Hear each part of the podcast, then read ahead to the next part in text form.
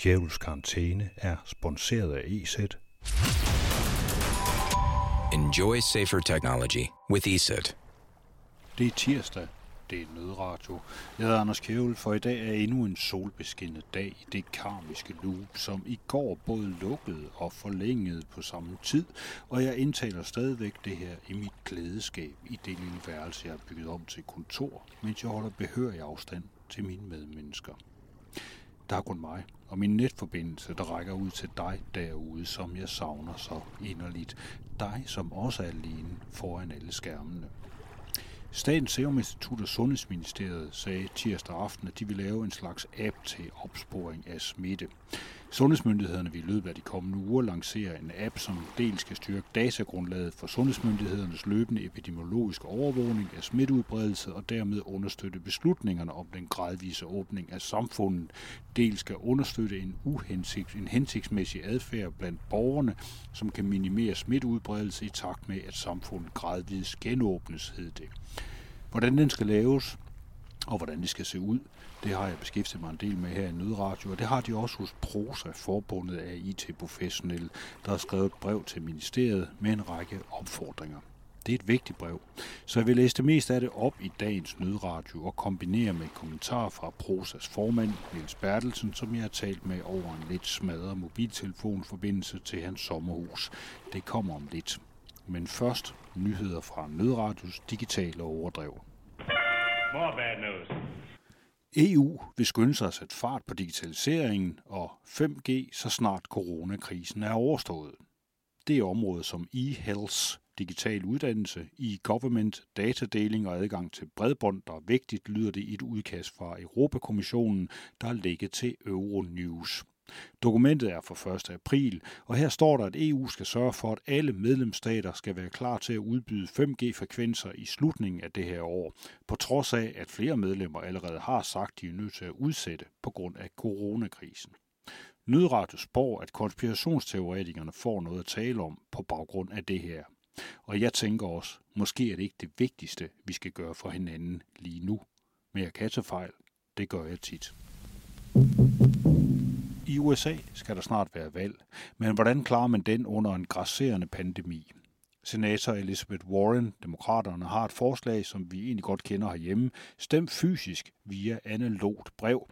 Men hvis det skal kunne lade sig gøre, så kræver det ekstra penge til postvæsenet. Et postvæsen, der ellers er i bedre form i USA end for eksempel her i Danmark.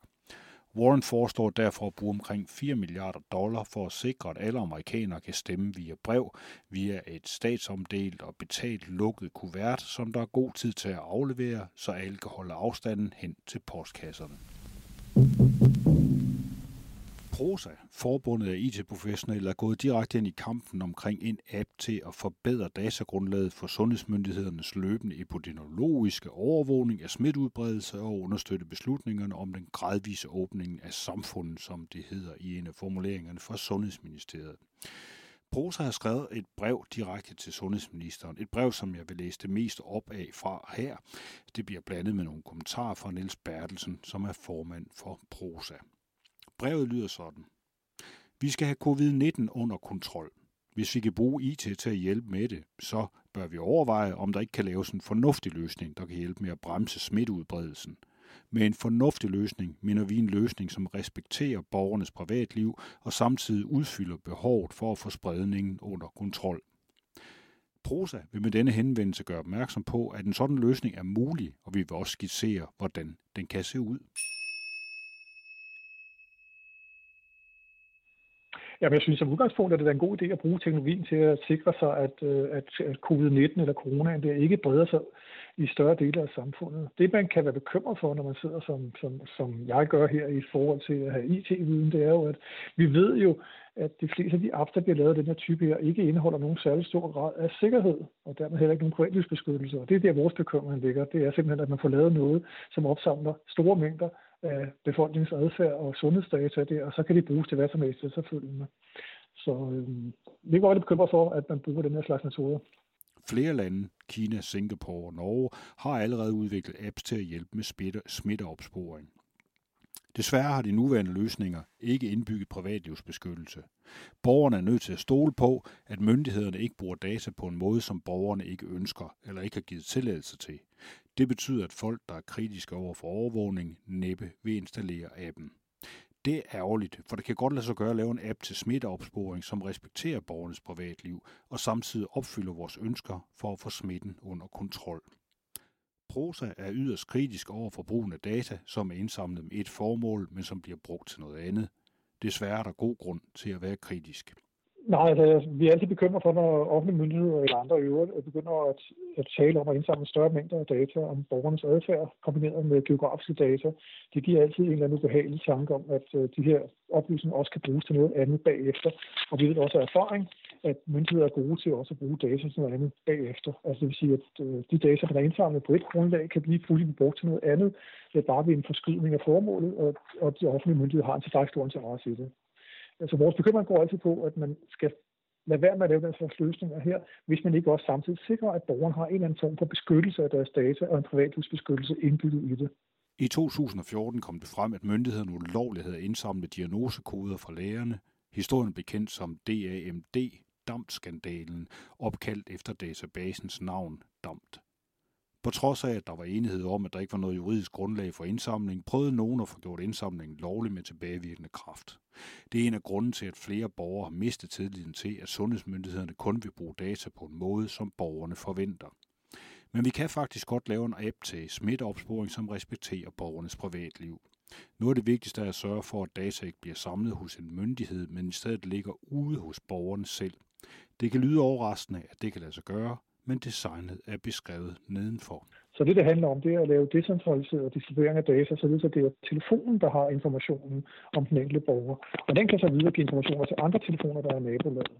Det er på den måde, kan man både opnå det med, at man kan forhindre spredningen, ved at den smittede rent faktisk kan give meddelelse om til andre, at vedkommende er smittet, og samtidig også sørge for, at der er ikke nogen, der ved, hvem det er, der præcis er smittet. Og det giver både en mulighed for at sprede, for at forsinke spredning eller forhindre spredning, og samtidig gør det, at borgerne rent faktisk har privatliv. Amalie er på legepladsen med sin mor, Alice, hvor hun leger med Begitte. Begittes far, Bob, er også på legepladsen. Hverken Amalie eller Begitte har mobiltelefoner, men det har Alice og Bob. Alice og Bob kender ikke hinanden.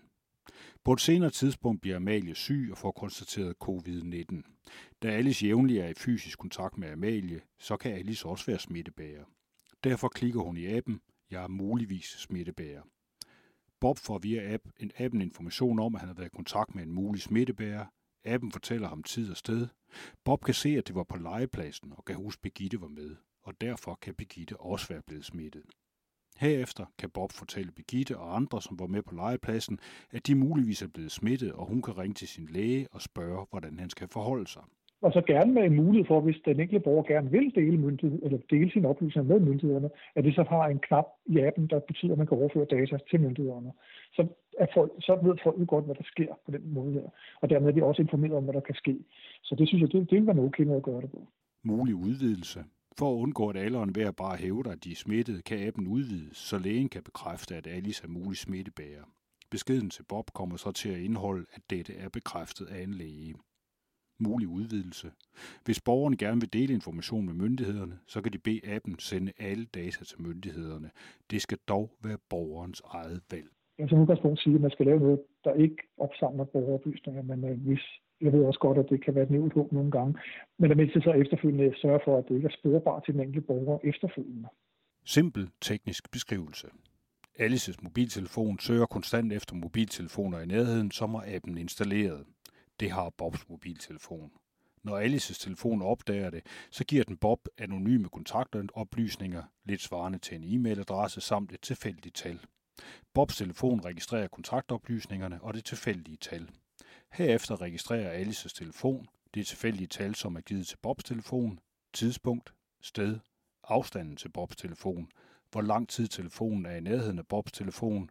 Bobs telefon gør det tilsvarende over for Alices telefon.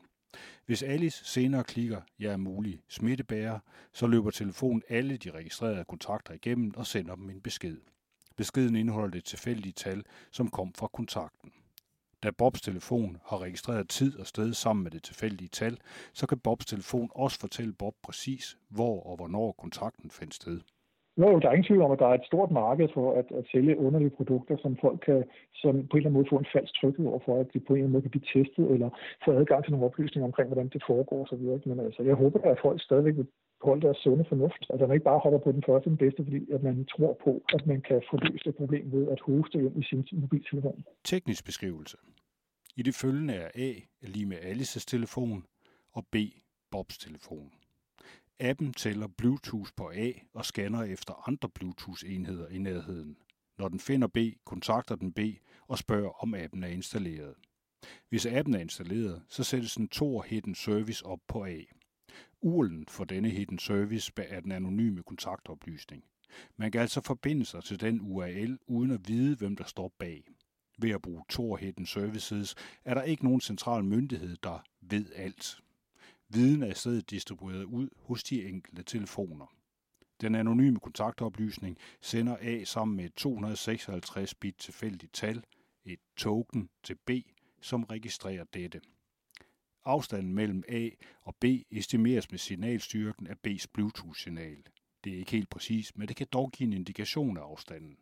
Herefter logges tid, sted og styrken af B's Bluetooth-signal for hvert minut kædet op på det token, som A har givet B.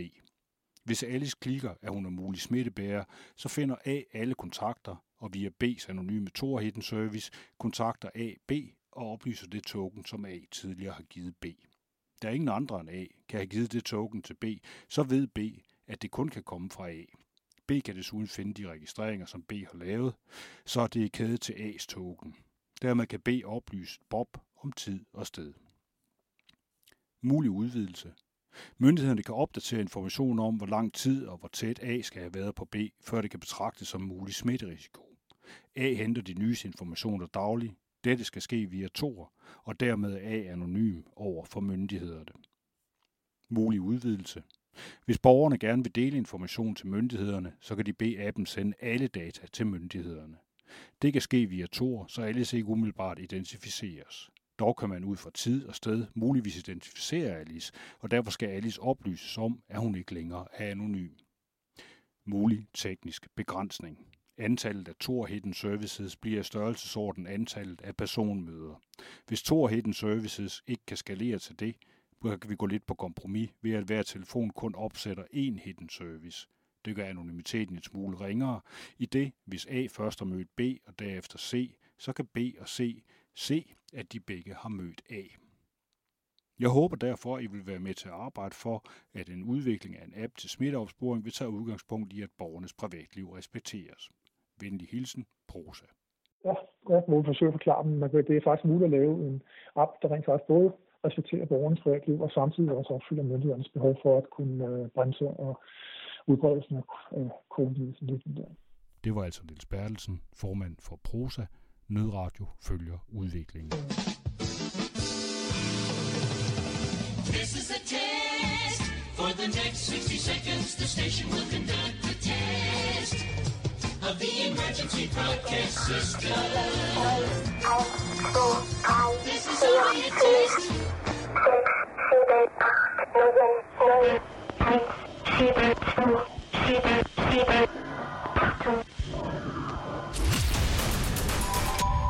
Enjoy safer technology with ESET. Det var, hvad det kunne blive til i nødradioen Kjærulfs karantæne i dag. Du må vente til i morgen med mere herfra. Hvis du har en historie eller et godt tip, så skriv til mig. Der står en mail under podcasten. Du må også meget gerne optage en kommentar på din snart overvågede telefon og sende den til mig. For eksempel via WeTransfer eller OnionShare eller Signal.